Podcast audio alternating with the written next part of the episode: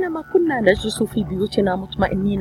كان علماؤنا يعملون ليل نهار لإيجاد لقاح لفيروس كوفيد 19 شكلت الأبحاث التي انطلقت منذ عقود حول أنواع أخرى من فيروس كورونا نقطة بداية في رحلة استغرقت أشهرا من البحث والتطوير بالتعاون مع خبراء من جميع أنحاء العالم. وبعد الحصول على نتائج سريرية واعدة لعشرات آلاف المتطوعين توصل العلماء أخيرا إلى لقاح آمن وفعال حيث تم حتى يومنا هذا تلقيح مئات الآلاف من الأشخاص في ميشيغان والآن أصبح مصيرنا بين أيدينا لنأخذ اللقاح في أول فرصة ممكنة ولنستمر في ارتداء الكمامة ولنأخذ الاحتياطات اللازمة حتى نصل إلى بر الأمان والتحرر من فيروس كورونا. للحصول على أكثر المعلومات مصداقية زوروا الموقع الإلكتروني michigan.gov/covid vaccine. هذه الرسالة بدعم من وزارة الصحة والخدمات الإنسانية في ولاية ميشيغان.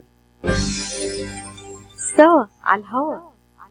سوا عطول سوا على الهوا. يأتيكم عبر أثير إذاعة صباح الخير صباح أمريكا. من يوم اللي اتكون يا وطني صباح الخير أمريكا صباح الخير لمستمعينا في راديو صوت العرب من أمريكا. انضم إلينا الآن الدكتور ظافر عبيد أخصائي الطب العام يشغل منصب المشرف على المركز الصحي التابع للمجلس العربي الأمريكي الكلداني ACC في مدينة ديترويت بولاية ميشيغان. اختارته حاكمة ميشيغان لرئاسة لجنة حماية ميشيغان وشارك في العديد من حملات التوعية على الصعيد الوطني أيضا حملة راديو صوت العرب للتوعية حول سلامة لقاح كورونا والتي ابتدأت منذ أواخر عام 2019 مرحبا بك دكتور في هذا المو- الموضوع الهام جدا ولا يزال ال- الجدل قائما حوله موضوع التخوف من لقاح كورونا.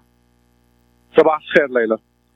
دكتور نبدأ من زيارة كاميلا هاريس التي ألغيت إلى ولاية ميشيغان آه، بسبب الأحوال الجوية الطارئة وما حدث من من أزمة مؤسفة يعني في ولاية ميشيغان. سبب الزيارة هو آه، تشجيع الناس على أخذ اللقاح خاصة في مناطق ديترويت وريدفورد بحسب آه، يعني آه، آه، البيت الأبيض والرئيس جو بايدن الذي وضع هدفا له أن يتم تلقيح نسبة آه، كبيرة من ال- المواطنين في أمريكا قبل عيد الاستقلال. آه، لماذا هذه النسب لا تزال متدنية في ديترويت وبعض المناطق في ولاية ميشيغان دكتور؟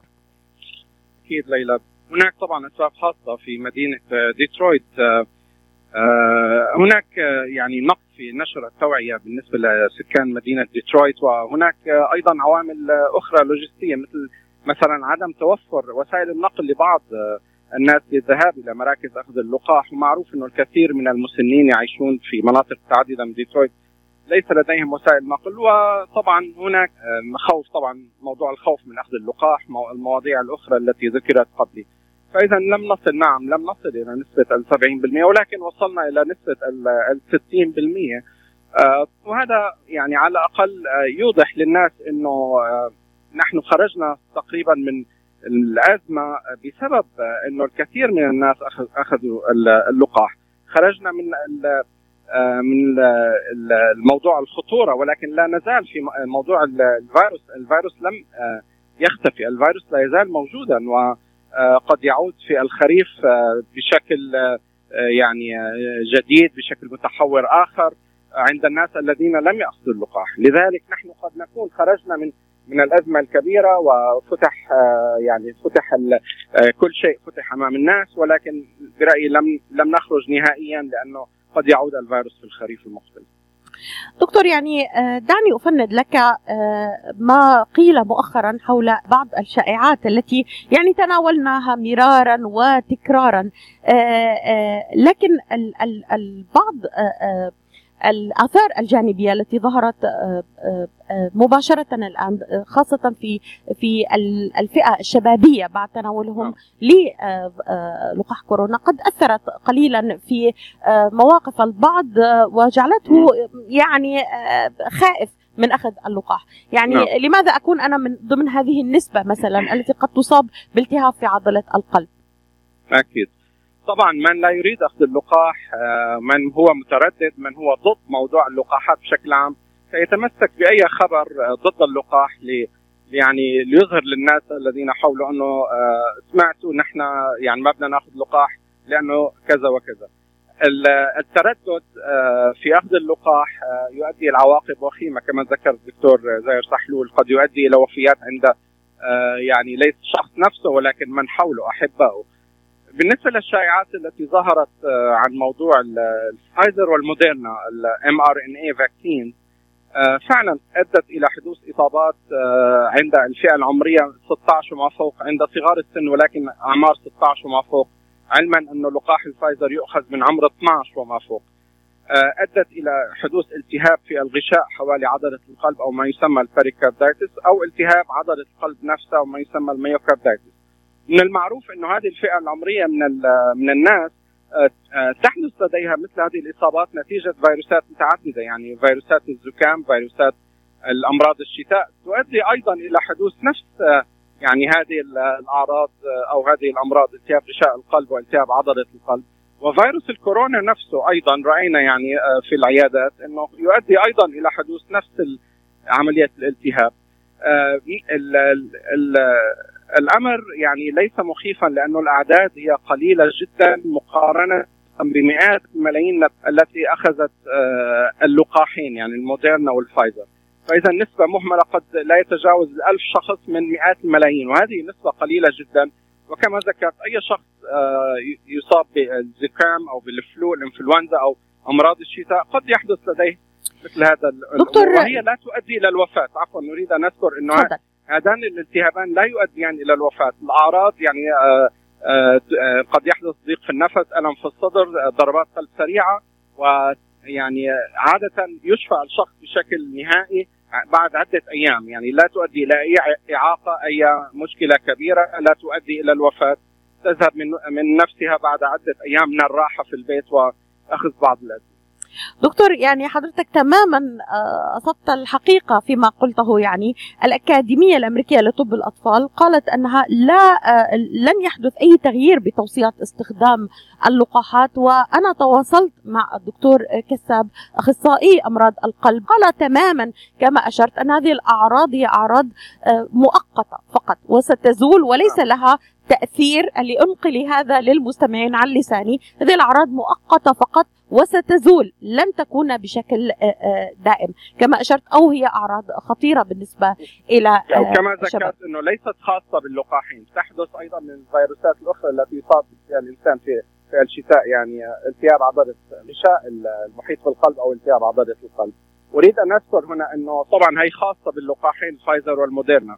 ولكن الفائدة من هذه اللقاحين تفوق بمرات متعددة أو الوقاية أو يعني ال- إنقاذ الإنسان من خطر الحياة من خطر الموت من الدخول إلى المستشفى تفوق بأضعاف مضاعفة هذه الاختلاطات الجانبية. وكما سمعنا حاليا إنه آه، تبين إنه اللقاحات الأخرى المنتشرة في العالم ليست بفعالية ال- آه، الموديرنا أو الفايزر. يعني توجد فعالية ولكنها فعالية أقل.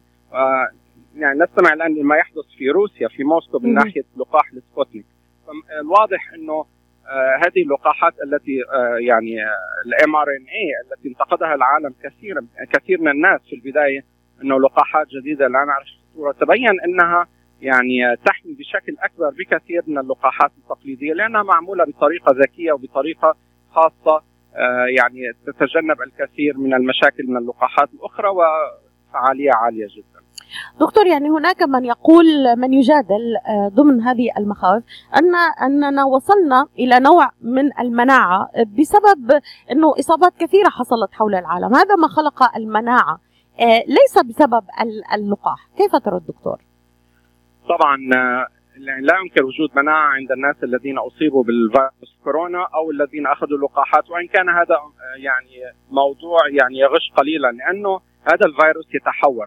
إذا كان هذا الفيروس لا يتحور أو لا يتغير طبعا أن- نقول أن هناك نسبة مناعة ولكن هذا الفيروس ذكي ويتحور حتى الآن لقاحات فايزر والموديرنا بشكل يعني آه، خاص تحمينا من كل المتحورات الموجودة ولكن في المستقبل قد يظهر متحور آخر يعني يجعلنا نضطر إلى أخذ لقاح آه، جديد.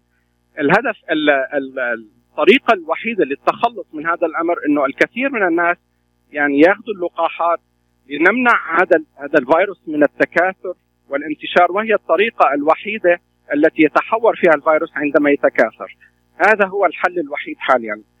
فاذا هناك مناعة لا أنكر ذلك ولكن في المستقبل لا نعرف قد يتحول هذا الفيروس إلى شكل آخر وهذه المناعة لا يعني لا تكفي للوقاية من هذا الفيروس ونرى الآن يعني الهند رأينا ما حدث في الهند الكثير قالوا إنه الدول آه، ذات الطقس الحار لا يصاب فيها الإنسان الان نس- نسمع عن تونس. آه، يعني سمعنا عن الشخص الذي توفي أمام آه، المستشفى على باب المستشفى. يعني لا يوجد دولة في العالم بمنع عن الإصابة بالفيروس. مهما كان الطقس فيها هذا الفيروس يتحور ويتغير وينتشر بسرعة. هذا المتحور الجديد قادر على إصابة الكثير من الناس لأنه ينتشر بسرعة فائقة أكبر من ال يعني يعني- الشكل القديم. يعني كحقيقة دكتور هل نستطيع القول أن من أخذ اللقاح وربما تعرض لإصابة بهذا المتحور الآن القادم وهناك تخوف من دلتا. أنني تلقحت مثلا بفايزر هل سيقيني ذلك بشكل ما من أن تكون نعم. إصابتي خطيرة؟ هل نستطيع علميا ود- بدقة؟ نعم دكتور. نعم نستطيع الدراسات اثبتت ذلك.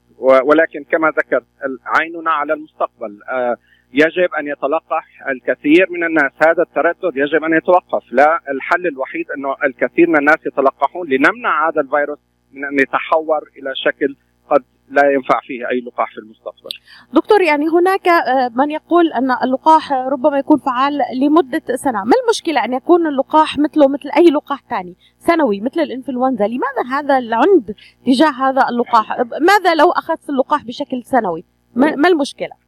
نعم هذه أحدى النقاشات التي ندخل فيها بشكل كبير مع مع من هم ضد اللقاح. إنه والمشكلة يعني أنا مستعد آخذ لقاح إذا كان بيحميني كل سنة أنا وعائلتي. المشكلة في من لا يريدون إنه أطفالهم يأخذوا اللقاح. أنا بشوف بعض الناس هن أخذوا اللقاح واطفال في نوع من الأنانية أيضا إنه هن أخذوا اللقاح وخايفين على أطفالهم يأخذوا اللقاح. كيف تشعر بالأمان إذا كنت في مجتمع فيه الكثير من الناس إنه أنت أخذ اللقاح وأطفالك ما أخذوا اللقاح. أنصح كل إنسان يعني آه إنه آه ياخذ اللقاح لنفسه ولعائلته لأنه في حماية له ولعائلته. ولا مشكلة إنه إذا صرنا ناخذ اللقاح كل سنة. ما المشكلة. يعني هلأ في السي في اس الموضوع واك إن تاخذ اللقاح بضلك طالع يعني آه آه لا- لا جانبية تدفع. بسيطة نعم. أصبحت معروفة. آثار ربما جانبية بسيطة يعني معروفة. يومين الكثير وب- حوالينا. نعم. من لم ياخذ اللقاح انظر حواليك. الكثير ممن تعرفهم أخذوا اللقاح. بعضهم حدثت لديهم مشاكل حرارة وجع راس صداع. وما المشكلة في الأمر إنه 24 ساعة 48 ساعة آه، صداع أو حرارة أو ألم في الجسم ستزول يعني. يكفي هذا دكتور. يعني من الوقت 12 المناسب. من 12 نعم. لا وطالع الآن اللقاح متوفر آه، متوفر. فايزر فايزر. فايزر. هناك دراسات على الموديرنا وبقية اللقاح. حاليا فايزر 12 وما فوق. دكتور يعني آه، في دقيقة. قضت اللقاحات على العديد من الأمراض الخطيرة. لمن يستمع إلينا الآن؟ نصيحتك. هذا اليوم لمن يتابعنا آه، بشأن لقاح كورونا لننهي هذا الجدل.